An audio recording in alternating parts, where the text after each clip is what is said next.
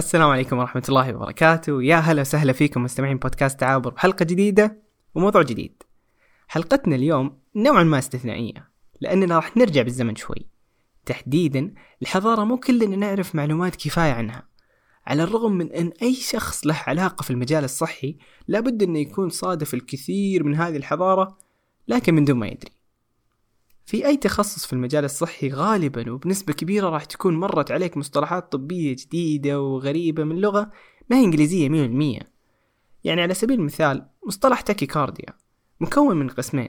القسم الأول اللي هو tachy نقدر نقول إنه دخيل على اللغة الإنجليزية ولكن في الأصل جاي من اللغة اليونانية ومعناه سريع.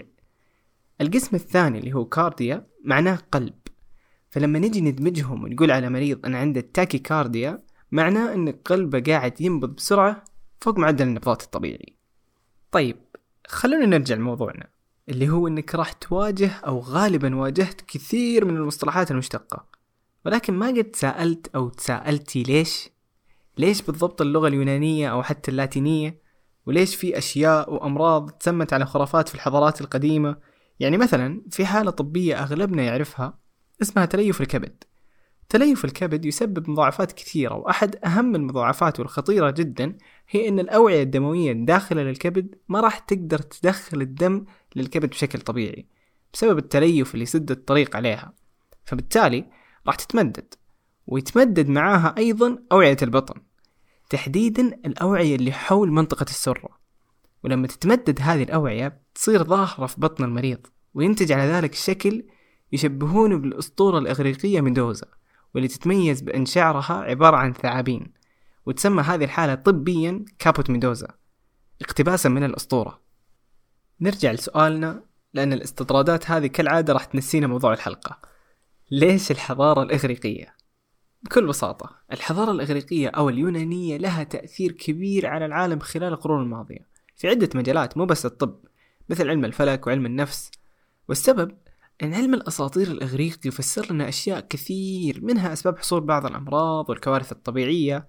ولذلك الحضارة الإغريقية لها تأثير كبير على عديد من مجالات الحياة ومن ضمنها زي ما ذكرنا اللغة الإنجليزية في وقتنا الحالي والكلمات المشتقة من هذه الحضارة.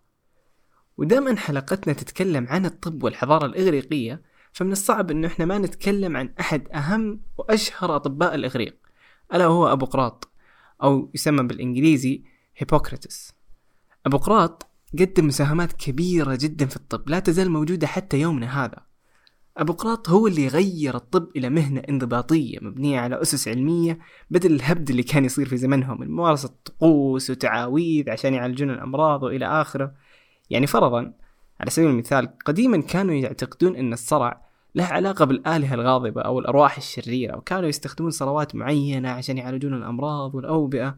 ولكن بعد مرور فترة من الزمن سرعان ما اكتشفوا أن كل هذا كلام فاضي.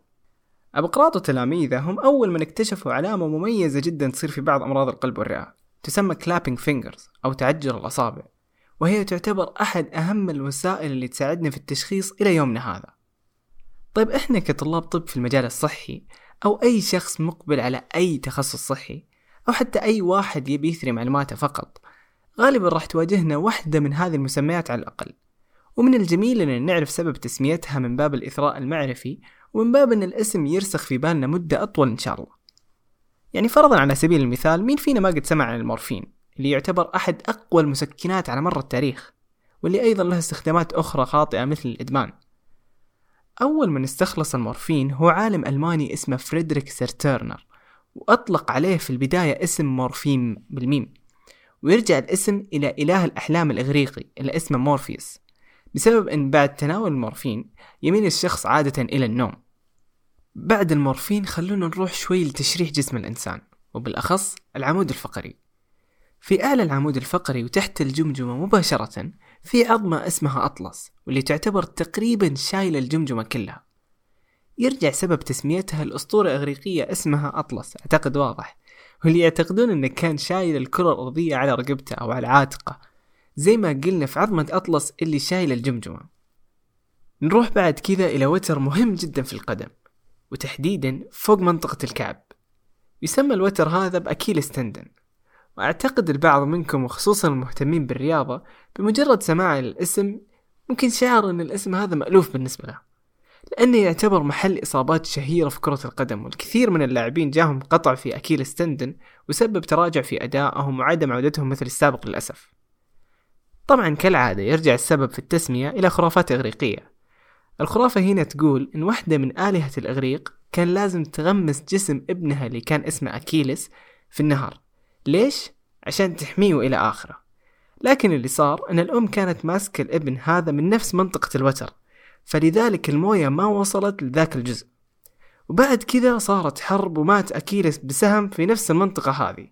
عشان كذا تسمت المنطقة هذه على اسمه. طيب وش رأيكم نطلع فوق عند سيد الأعضاء؟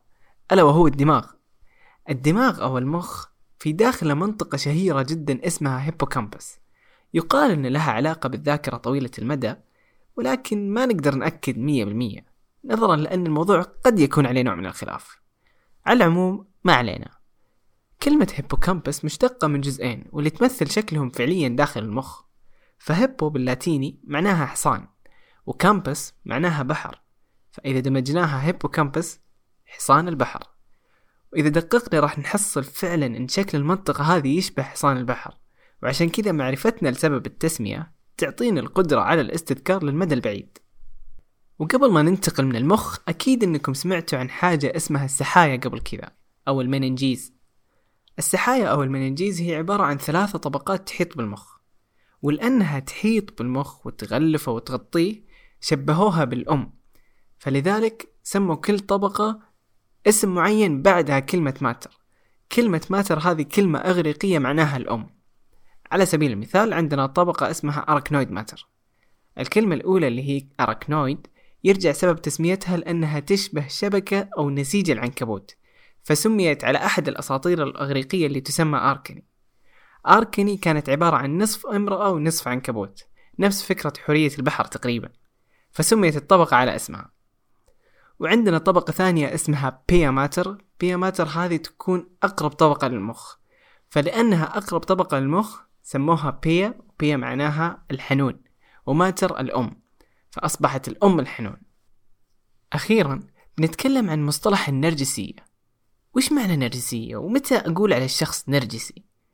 النرجسية هي كلمة تطلق على حب الذات بشكل مفرط وصولا للغرور والتكبر. يرجع أصل الكلمة عن قصة لأحد الصيادين اسمه نرجس أو نرسيس واللي اشتهر بأنه كان جميل ووسيم جدا لدرجة الغرور وكان يتفاخر بأنه جميل بين الناس.